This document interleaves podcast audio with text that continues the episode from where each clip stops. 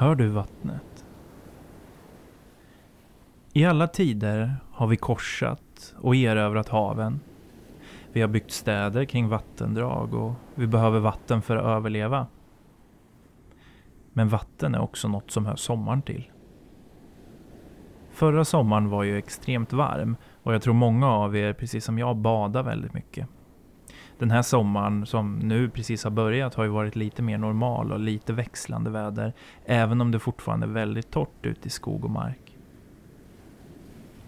Visste du att människosläktet har varit längre tid uppe i rymden än vad man har varit nere på havets djupaste botten? Den här platsen ligger öster om Filippinerna och sydöst om Japans kust och heter Marianergraven. I den här 254 mil långa klyftan finns den absolut djupaste punkten av alla världshav. Challenger-djupet. Djupet sträcker sig nästan 1100 meter under havsytan. Och här har människan bara genomfört fyra expeditioner. Vad vet vi egentligen om det som döljer sig här nere när få expeditioner har varit här? När människan har spenderat så pass lite tid här. Faktum är att människan har spenderat mer tid ute i rymden än just på den här platsen. Det här avsnittet kommer ur ett samarbete med Miramir förlag. Miramir förlag gav förra året ut en antologi som heter Sjön och i den här antologin finns det 44 författare som har skrivit 49 skräcknoveller om sjöar och vad som kan dölja sig under ytan. Jag kommer i den här sommarspecialen läsa några utav dem. Den första berättelsen vi kommer höra är skriven av Maja Nilsson och heter Iakttagen. Och här lämnar vi det somriga Sverige och befinner oss istället vid en sjö mitt i vintern, där vinden viner. Efter ett par timmars fotograferande av naturen började solen gå ner. Jag klädde på mig min militärfärgade dunjacka och tog mig en sista klunk av det ljumma kaffet. Den beska smaken gav mig en kick och jag kände hur värmen svepte genom kroppen. Mina frusna händer, de kändes genast varmare. Granarna omkring den frusna sjön svepte sig lätt i vinden och marken under mig var lika frusen som frysen hemma i Gävle. Jag tog mig ett sista kort på sjön med min kamera innan jag begav mig till stugan som var placerad mitt i en skogsdunge, endast ett par kilometer ifrån den närmsta byn. När jag kom hem till huset efter den kyliga dagen i naturen hade redan en dov mörklagd skugga lagt sig över himlen. Jag satte genast fyr på den öppna spisen som ofördröjligen gav ifrån sig ett sprakande ljud och en dunst av värme. Jag sträckte fram mina frusna händer som tinade emot elden. Stugan var ett ganska litet, falurött trähus. I ena hörnet stod en säng och sen fanns det ett minikök och en byrå inom de fyra väggarna. På byrån stod ett par rosor i en vas och tre böcker som jag tagit med mig för att läsa. Rummet hade två smala fönster på vardera sida om dörren. Golvet var av trä och alla fyra väggar var klädda med gula tapeter. En av väggarna i huset var fulla av målningar som jag antog att den förra ägaren spikat upp. Och eftersom jag endast köpt stugan för att bo i när jag jobbar långt hemifrån så la jag ingen större tid på att möblera om. Dock var det alltid en av bilderna som skilde sig från de andra. Bilden tycktes föreställa en flicka i tioårsåldern. Hon hade kortbrunt hår, en kall blek hudton och ett leende som var lite otäckt. Liksom mungiporna log mer än normalt. Hon hade en uniform på sig, en marinblå skjorta och kjol. Flickan såg väldigt äkta ut. Längst ner på bilden stod ett årtal, 1942, och jag antog att det var hennes dödsår. Men det som skrämde mig mest med henne var hennes svarta, stora ögon. Vart än jag gick i rummet såg hon ut att kolla på mig. Hennes ögon följde efter mig. Jag kände mig iakttagen och fick känslan av att det kalla, dova mörkret aldrig skulle ta slut när jag blickade in i hennes ögon. En kall kår kröp upp längs ryggraden och en känsla av ett strypande tag runt min hals fick mig att andas tungt. Jag kunde höra mitt hjärta bulta och hur pulsen ökade. Mina händer var alldeles frusna och svetten började rinna ner för min panna. Jag försökte skaka av mig tanken på henne, samtidigt som jag plockade upp min kamera från min svarta ryggsäck som jag lagt vid dörrmattan. Jag bläddrade igenom fotona jag tagit i hopp om att hitta den perfekta bilden till tidningen där jag jobbade. Hela kroppen stelnade till när sista kortet kom upp på displayen. Den vackert glimmande frusna sjön, skogen runt omkring och solnedgången i bakgrunden syntes. Sen, mitt i bilden, mitt på isen, stod en tioårig flicka med kort, brunt hår och marinblå skoluniform. Kläderna såg så stela ut, som om hon hade hoppat i vattnet och sen låtit kläderna torka till i luften igen. Hennes ögon stirrade rakt in i linsen och flinet ifrån hennes leende ekade i mina öron. Hårstråna på mina armar reste sig. Jag kastade en blick på den läskiga tavlan flickan tidigare syns till i och det var då jag insåg att det var ett fönster och inte en bild. I fönstret kunde jag se skogens mörka vrå och jag darrade till. Jag var verkligen livrädd nu, nästan som ett litet barn som var rädd för monstret under sängen. Den döda flickan hade alltså stått utanför mitt fönster i minusgrader och bevakat mig i timmar. Den iakttagna känslan var nu besvarad. Med bultande hjärta begav jag mig från stugan och sprang så fort jag kunde genom mörkret i ett försök att komma till byn. Men vilken väg jag än tog slutade det alltid med att jag kom till den isbelagda sjön där jag hade fångat flickan på bild. För varje sekund som jag stod stilla hörde jag flickans skratt högre och högre. Barnskrattet ekade mellan trästammarna och det kändes nästan som att marken skakade till. Jag ställde mig vid kanten av isen. Svetten rann ner för pannan trots minusgraderna. Mina händer skakade och det kändes tungt att andas. Ett svagt ljus syntes en bit ut på isen. Jag blundade och tog ett steg ut. Någon drog mig framåt och kände ett tryck mot mina skuldror. Jag gjorde ett försök att bromsa med mina fötter, men isen var för hal. Och när jag öppnade ögonen nästa gång var jag under den iskalla vattenytan. Paniken kom inom mig när jag insåg att jag aldrig skulle lyckas ta mig upp och om jag lyckades skulle flickan med de svarta ögonen stå där, stirrandes och leende. Det var då jag beslöt mig. Jag tog ett stadigt tag om min hals och pressade hårt. Jag är inte rädd för döden. Jag är rädd för de döda.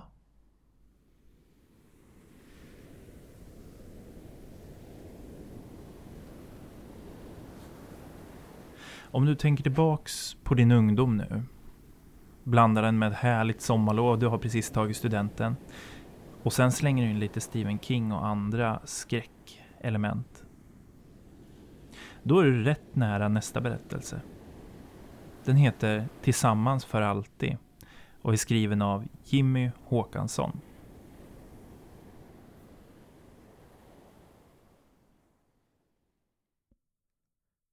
Lugnt och fint nu Janne, sumpa inte ölen, ropar en röst bakom mig. Jag kastar en blick bakåt mot sandstranden och ser Alexander dra av sig sin t-shirt och Jennifer säger något som får Sara att brista ut i gapskratt. Vattnet smakar surt när det sipprar in i munnen. Jag fräser och spottar och tappar nästan mitt grepp om luftmadrassen på vilken jag balanserar två flak med 5,0. Det vore ju snyggt om jag faktiskt sumpade dem nu. Tar ett nytt tag om luftmadrassen och paddlar med benen för att ta mig mot hopptornet som guppar 100 meter ut på sjön. Vi kallar det fortfarande för hopptornet, trots att trampolinerna är nedmonterade efter att någon unge halkade från fyra meters hoppet och bröt nacken i trappan på vägen ner. Den flottliknande basen som skvalpar på vattenytan är allt som kvarstår av den. Den ena sidan sluttar ner i det blöta och det är där jag klättrar upp när jag når fram. Brädorna på flotten glipar brett. I utrymmena mellan dem hör jag hur vattnet kluckar. Jag vänder mig om och sträcker ut armarna i triumf som Rocky gör när han har sprungit upp för trappen. Kommer ni eller? frågar jag och känner hur solens strålar torkar min rygg. Alexander boxerar en luftmadrass med bergsprängaren och kassen med blandbanden över vattnet. Vid strandkanten står Sara i bikini och doppar tårna i vattnet medan Jennifer vrider av tändningen i hennes farsas herrgårdsvagn. Smart. Hur surt vore det inte om vi inte kunde köra hem efteråt bara för att vi glömt att släcka motorn? Madrassen med ölflaken håller på att driva bort. Jag lägger mig på mage för att fiska in dem. Alexander är framme vid hopptornet och han sätter stereon och kassen med kassetterna på flotten innan han häver sig upp. Musklerna spelar på hans överkropp och jag kan inte hålla mig från att titta avundsjukt. Hans fysik är en ständig påminnelse om att jag borde ha ägnat uppväxten åt föreningsidrotter istället för att ligga hemma och läsa Agent X9. Ö, pripsa mig, säger han och skakar sitt hår som en hund. Jag plockar upp två Prips och kastar den ena till honom. Ölen pyser när jag öppnar min burk och fäster blicken på Jennifer som springer ner mot vattnet. Hon kastar sig framstupa i det blöta och när hon kommer upp till ytan igen är hennes rågblonda hår mörkt. Jag kan nästan se hennes smilgropar härifrån. Hon är het va? säger Alexander. Ja, eller va? Jag vet inte. Det hettar om kinderna och jag tittar bort. Ser hur sjön är helt omringad av granspetsar, som en mur. Om inte Jennifer tog så bra hand om mig, han kunde få till mig sidan med en blöt armbåge, så skulle jag inte banga. Jaha, han menar Sara. Hon står ensam kvar på strandkanten med armarna knutna runt midjan och vatten upp till knäna. Ser ut att huttra trots att det inte ens är kallt. Jag tittar upp mot den molnfria himlen. Solen lyser klart. Det är otroligt att ingen annan har tagit sig till sjön en så här fin dag. Folk verkar ta avspärrningen och varning för algblomning-skylten på blodigt allvar. Alexander ger Jennifer en hand när hon når fram till flotten. Han drar upp henne och trycker hennes blöta kropp emot sin. När de möts i en kyss tittar jag bort mot Sara istället och stör mig på hur långsamt hon simmar. Hon sträcker på sin hals, förmodligen för att inte blöta ner sitt smink eller sin spraytuperade frisyr. Oroa dig inte Janne, snart kommer du få doppa också, säger han och nickar mot Sara. Alex, måste du vara så äcklig? frågar Jennifer och knuffar honom. Alla killar är inte som du. Ja, Janne vet att jag bara skämtar med honom, eller hur Janne? Jag låtsas som att jag inte hör och sträcker ut handen till Sara som nu är framme vid hopptornet. Hon ler blygt när hon tar min hand och jag låser min andra hand i flottens träräcke för att själv inte falla i. Att deras plan är att tussa ihop oss kan inte ha undgått henne. Alexander är många saker, men subtil är inte en av dem. Han ger tjejerna varsin öl. Det skummar om burkarna när de öppnar dem. Fattar ni att vi aldrig behöver gå tillbaka till skolan igen? frågar Alexander. Ja, i alla fall inte till den skolan, rättar jag. Hur kan du ens tänka på plugg direkt efter studenten? Jag ska inte läsa en enda bok till i mitt liv och inte räkna ett jävla tal. Sara skrattar högt. Vad ska du göra då? frågar hon sen. Jag blir förvånad över att hon inte vet, eller så spelar hon bara dum. Hon spelar bra i så fall. Ölskummet fastnar på handryggen när Alexander torkar sig om munnen. Tjäna pengar såklart. Jag ska jobba på farsans VVS-firma. Skål för studenten, säger Jennifer med ölburken sträckt mot skyn. Skål! skrålar vi i kör. Ölen är varm och smakar illa. Det är tre år sedan jag drack mig full för första gången, men jag har fortfarande inte vant mig vid smaken. Fast det är inte smaken jag är ute efter, utan den härliga känslan av att tappa kontrollen och bara flyta med. Jag gillar det. Att liksom flyta fram i en värld som tappar konturerna. Vänta, säger jag och gräver fram en kassett ur plastpåsen. När jag hittar rätt knäpper jag ner den i bergsprängaren och trycker på play. Åh, jag älskar den här låten, säger Sara och gungar när Tom Petty börjar sjunga. När refrängen kommer sjunger vi alla med. And I'm free, free falling.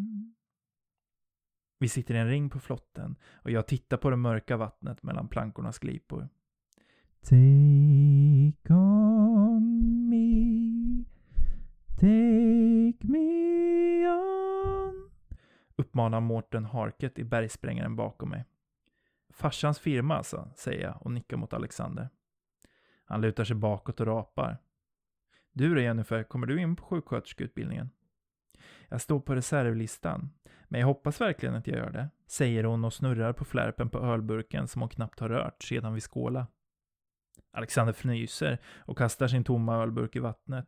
Den studsar på ytspänningen. Vad? fräser Jennifer. Jag sa inget. Men gör det då. Säg vad du tänker istället. Jag tycker att det är onödigt att betala för att plugga ännu mer när man liksom kan få jobb direkt va?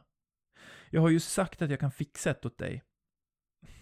Som receptionist på din farsas firma? Jo tack. Några av oss har faktiskt ambitioner.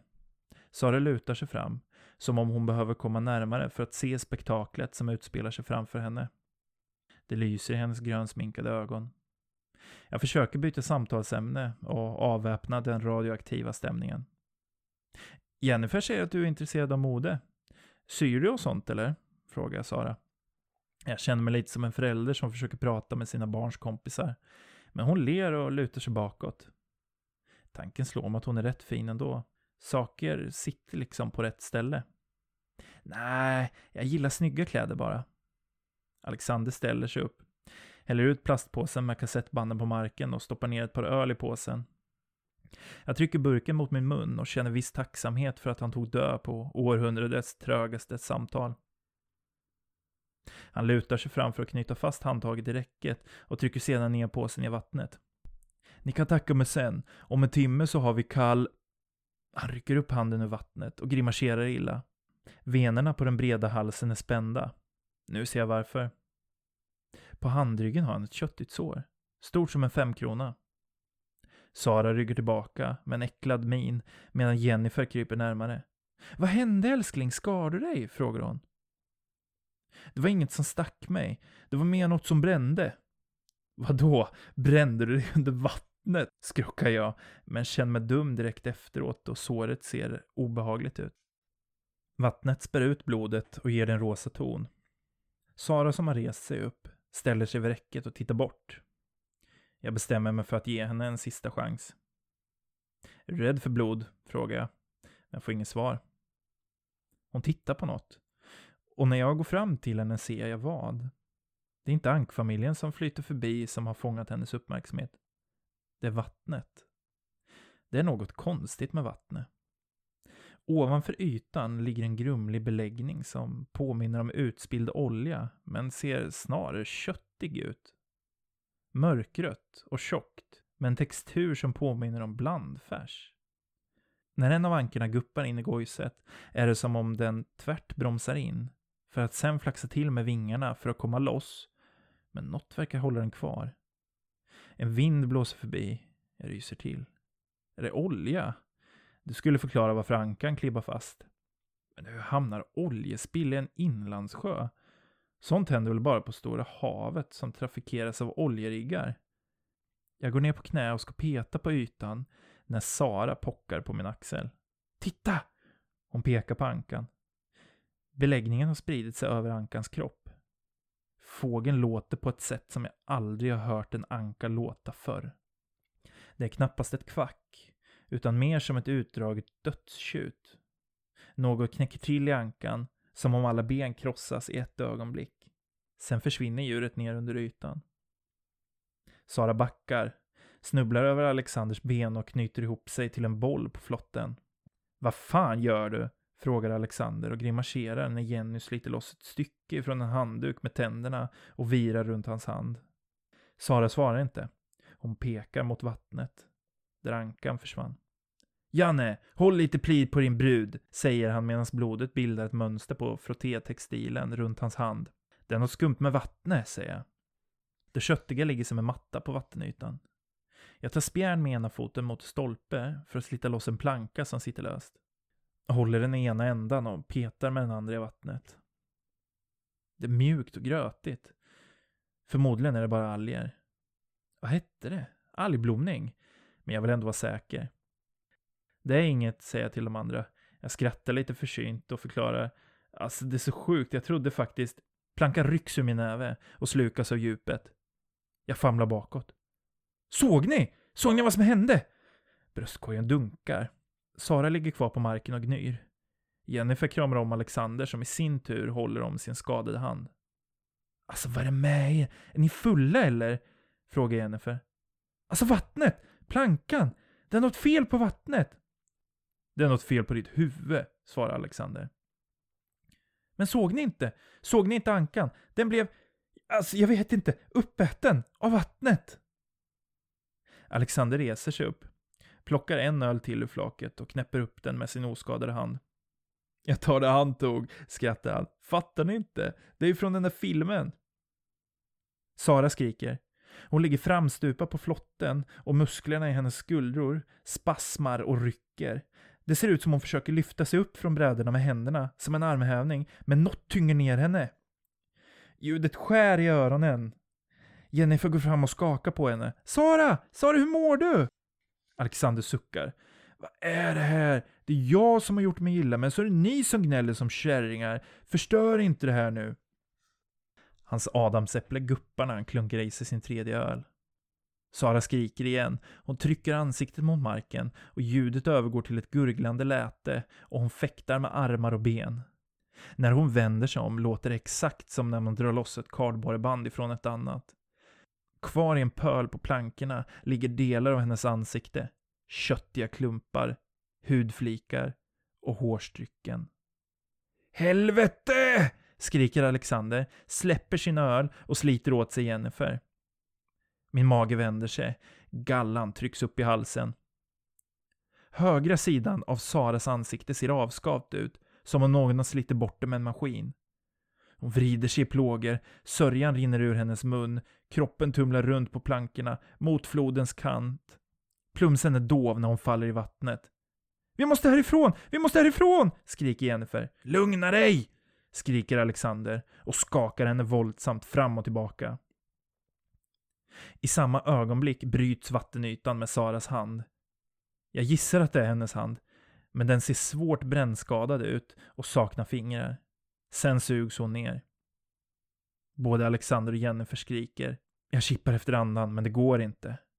Luften vill inte ha med mig att göra. Backar mot Alexander och Jennifer som kramar om varandra. Det enda som finns kvar av Sara är en mörkröd fläck på sidan där flotten sluttar mot vattnet. Hjälp! skriker jag. Hjälp! Alexander och Jennifer stämmer in. Vi skriker länge, utan resultat. Sjön är inte bara avspärrad. Den ligger avsides. Vi är omringade av vatten och bortom det, skog. Det finns inga stugor i närheten och vägen som leder hit tar man bara om man ska till sjön. Det här händer inte, det här händer inte, det här händer inte, det här händer inte. Orden rinner ut ur min mun. Det som andas istället för att andas. Det är vattnet, säger jag till slut. Alexander och Jennifer står fastfrusna i varandras grepp och jag försöker igen. Det var vattnet som gjorde det, eller vad fan det nu är, säger jag och pekar på ytan. Vad är det med dig? Hör du inte vad du säger? skriker Jennifer och sliter sig loss ifrån Alexanders grepp. Jag försöker svara men Alexander hinner före. Han har rätt, säger han och går ett varv runt flotten. Det här, han pekar med handen mot vattnet, tog Sara. Han stannar, lägger armarna i kors och stirrar ut mot vattnet. Janne? Jag går fram till honom. Hur långt skulle du säga att det här är ifrån till vattnet? Vad menar du? Vi står på det. Nej, jag menar inte det där, utan vattnet. Det riktiga vattnet. Jag tittar mot kanten, försöker mäta avståndet från hopptornet och förbi ytan i huvudet. Fyra meter kanske. Hur så? Jennifer skakar på huvudet. Nej, Alex, gör det inte. Ah, det är lugnt gumman, jag har hoppat längre. Hon står framför honom nu och trycker båda händerna mot hans bröst. Nej, viskar hon. Hennes ögon är glansiga. Du kan inte mena allvar, säger jag. Flotten är för liten, du kommer ju inte få tillräckligt med sats. Han svarar inte. Jennifer trycker sitt ansikte mot hans bröst. Hela hon skälver. Alexander trycker munnen mot hennes hårbotten och viskar. Jag fixar det här. Sen tar jag bilen in till stan och ringer snuten eller brandkåren eller vad fan man nu ringer när något sånt här händer. Militären kanske. Han har rätt. Om någon skulle klara det här så är det han.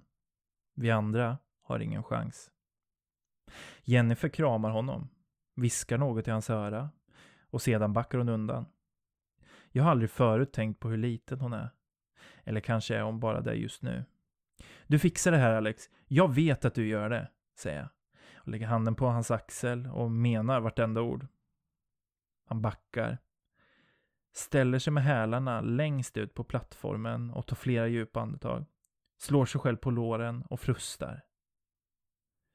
Tre långa steg hinner han ta innan flotten tar slut under hans fötter.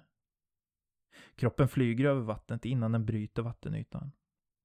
Klarar han det? Jag springer fram till kanten, men jag ser inget. Bara ringar från platsen där han slog ner. Sen ser jag hans rygg.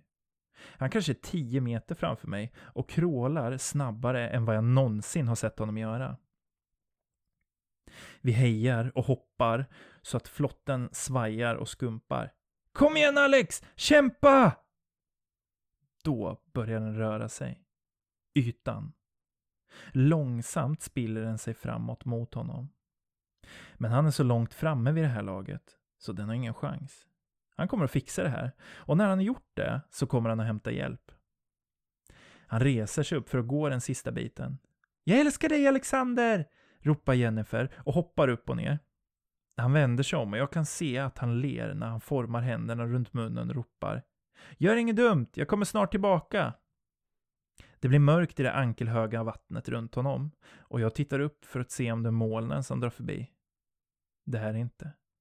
Paniken vaknar i kroppen och jag tar i allt jag kan när jag skriker. Spring! Han vänder sig om och tar ett jättekliv. Men när han ska ta det andra verkar något ta emot. Han ser ut att ta i med all sin kraft.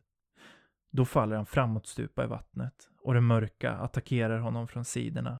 Drar ut honom mot det djupa medan han kämpar med armarna och tar panikartade simtag.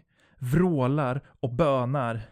Jennifer försöker springa mot honom, men jag låser mina armar runt hennes midja och rycker bakåt. Nej! skriker hon och slår på mina armar. Men jag släpper inte. Vi ser hur Alexanders kropp dras längs ytan. Han kämpar emot, men det köttiga har honom i sitt grepp nu. När han öppnar sin mun för att skrika väller beläggningen in i hålet och det låter som om han ska kräkas ut sina inälvor. Det klickar och kluckar från hans mun när käken lossnar från sitt fäste. Sen sjunker resten av honom under ytan. Jag kramar om mina ben för att hålla värmen. Månen ligger tung på natthimlen. Huden knottrar sig och min mage påminner om att jag inte ätit något sen frukost. Jag skuffar mig närmare Jennifer som andas i stötar och gungar fram och tillbaka där hon sitter med knäna uppdragna under hakan. Mina armar lägger sig om hennes axlar men hon rygger till. Vi måste hålla värmen, säger jag. Hon puttar undan min arm när jag försöker igen och reser sig upp. Vi måste komma härifrån. Hon går från sida till sida på flotten. Hur ska det gå till när inte ens Alexander klarar det? Hon lyfter en luftmadrass och klämmer på den. Sen börjar hon stuva runt i flaket med öl. Det är ingen idé att dricka mer, säger jag. Vi borde hålla oss skärpta och uppmärksamma. Tänk om någon kommer förbi, då måste vi vara redo att ropa på hjälp. Ingen kommer förbi, klipper hon av. Vi måste klara oss själva. Hon tittar inte ens på mig. Istället lyfter hon flaket med öl och lägger det på luftmadrassen. Vad gör du? Jag får inget svar. Istället tar hon ett varv runt sin konstruktion och kliar sig på hakan. Sen lyfter hon bergsprängaren och kilar fast den på ölflaket. Jag... Jag kanske har en idé. Jag reser mig. Det knäcker till i mina knän och det hugger i min mage. Jag är utmattad, utsvulten och frusen. Du såg vad som hände med Alex. Den där varelsen, säger hon. Varelsen? Tanken har inte slagit att det är det. En levande varelse. Jagade honom och när den gjorde det så fick den flytta sig från en punkt till en annan. Okej, okay. jag förstår inte vad det har med något att göra. Det betyder bara att vi inte kan fly från den. Att vi kommer dö här om ingen hittar oss. Du har fel. Det betyder visst att vi kan fly. Den rör sig. Vi måste bara se till att den rör sig i en annan riktning än vi. Jag förstår nu. Hon planerar en avledningsmanöver. Vad kan jag göra? Hon tittar på mig, mäter mig, synar mig från topp till tå. Hur snabbt simmar du? Inte en chans. Inte en chans att du får ner mig i vattnet. Det var inte det jag frågade. Hur snabbt simmar du? Jag vet inte. Vanligt snabbt, jag menar normalt, i normal hastighet. Jag kan inte simma ikapp med den där saken i alla fall. Den saken är jävligt säker. Hon kommer inte att få ner mig i vattnet. Jag såg vad den här saken gjorde med Sara och Alexander.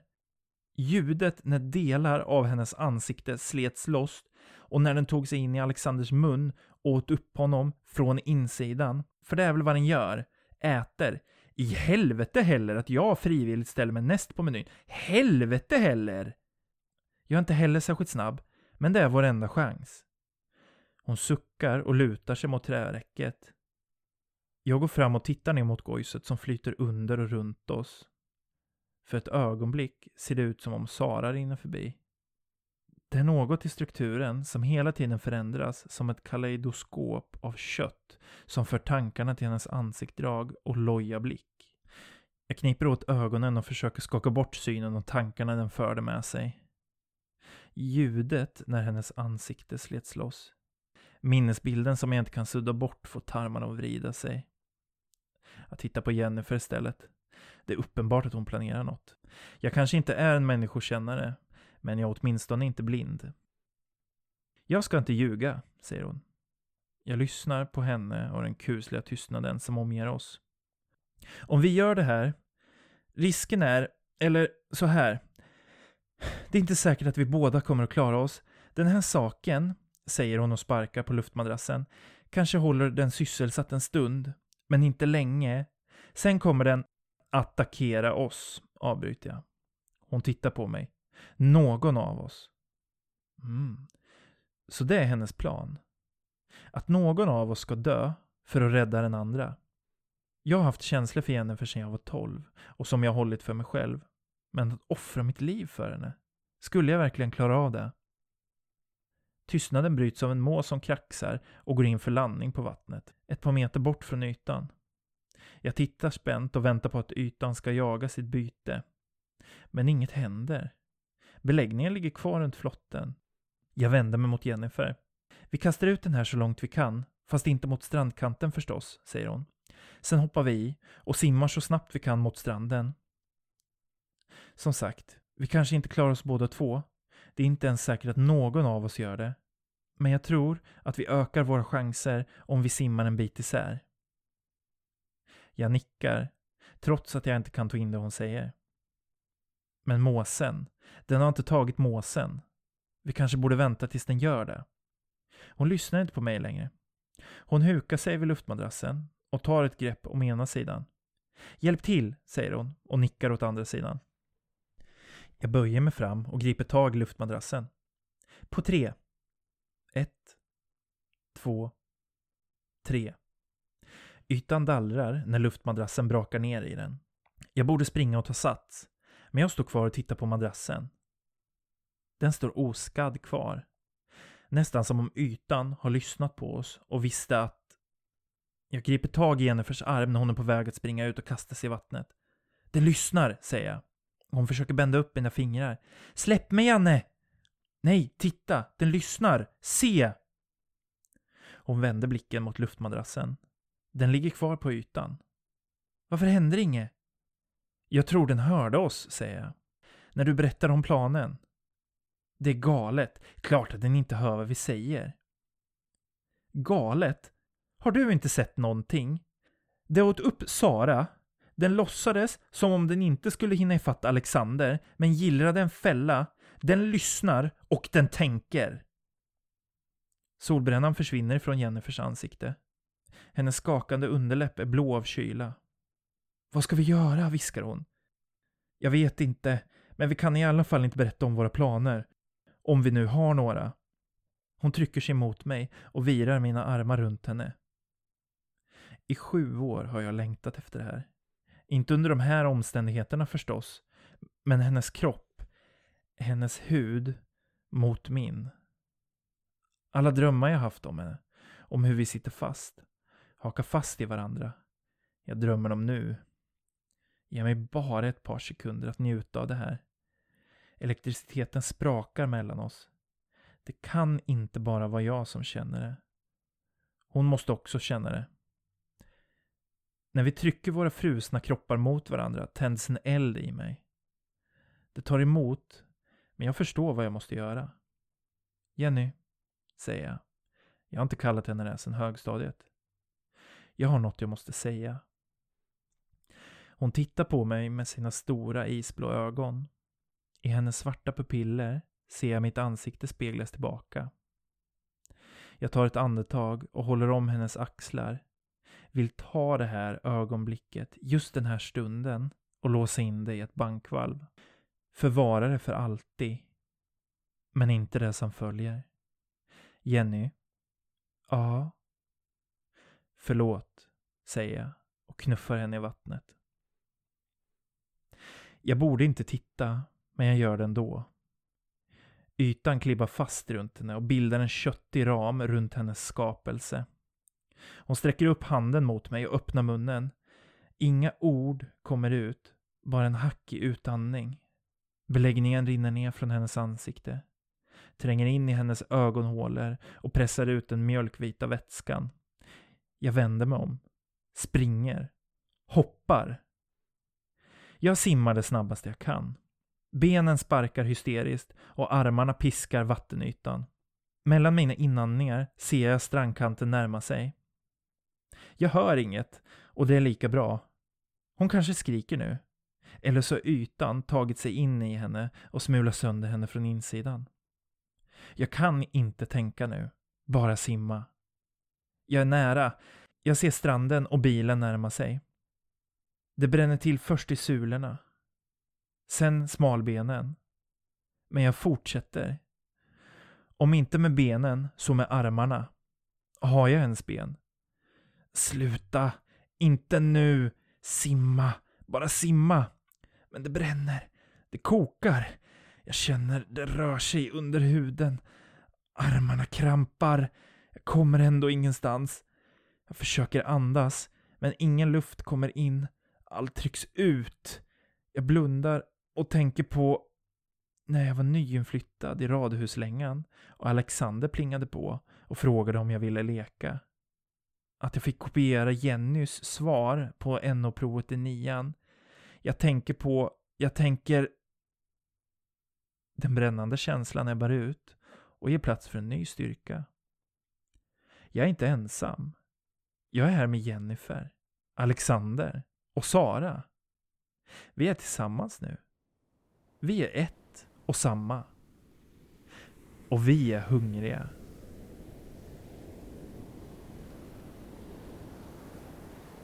Länkar till författarna hittar ni på våra sociala medier. Både på Instagram och Facebook heter vi Radioväsen. Om du vill stötta podden finns länkar både till Patreon och Paypal på våra sociala medier. Där kan du också hitta länkar till förlaget, Mirami förlag, som har gjort det här möjligt tillsammans med de fantastiska författarna som vi haft med här.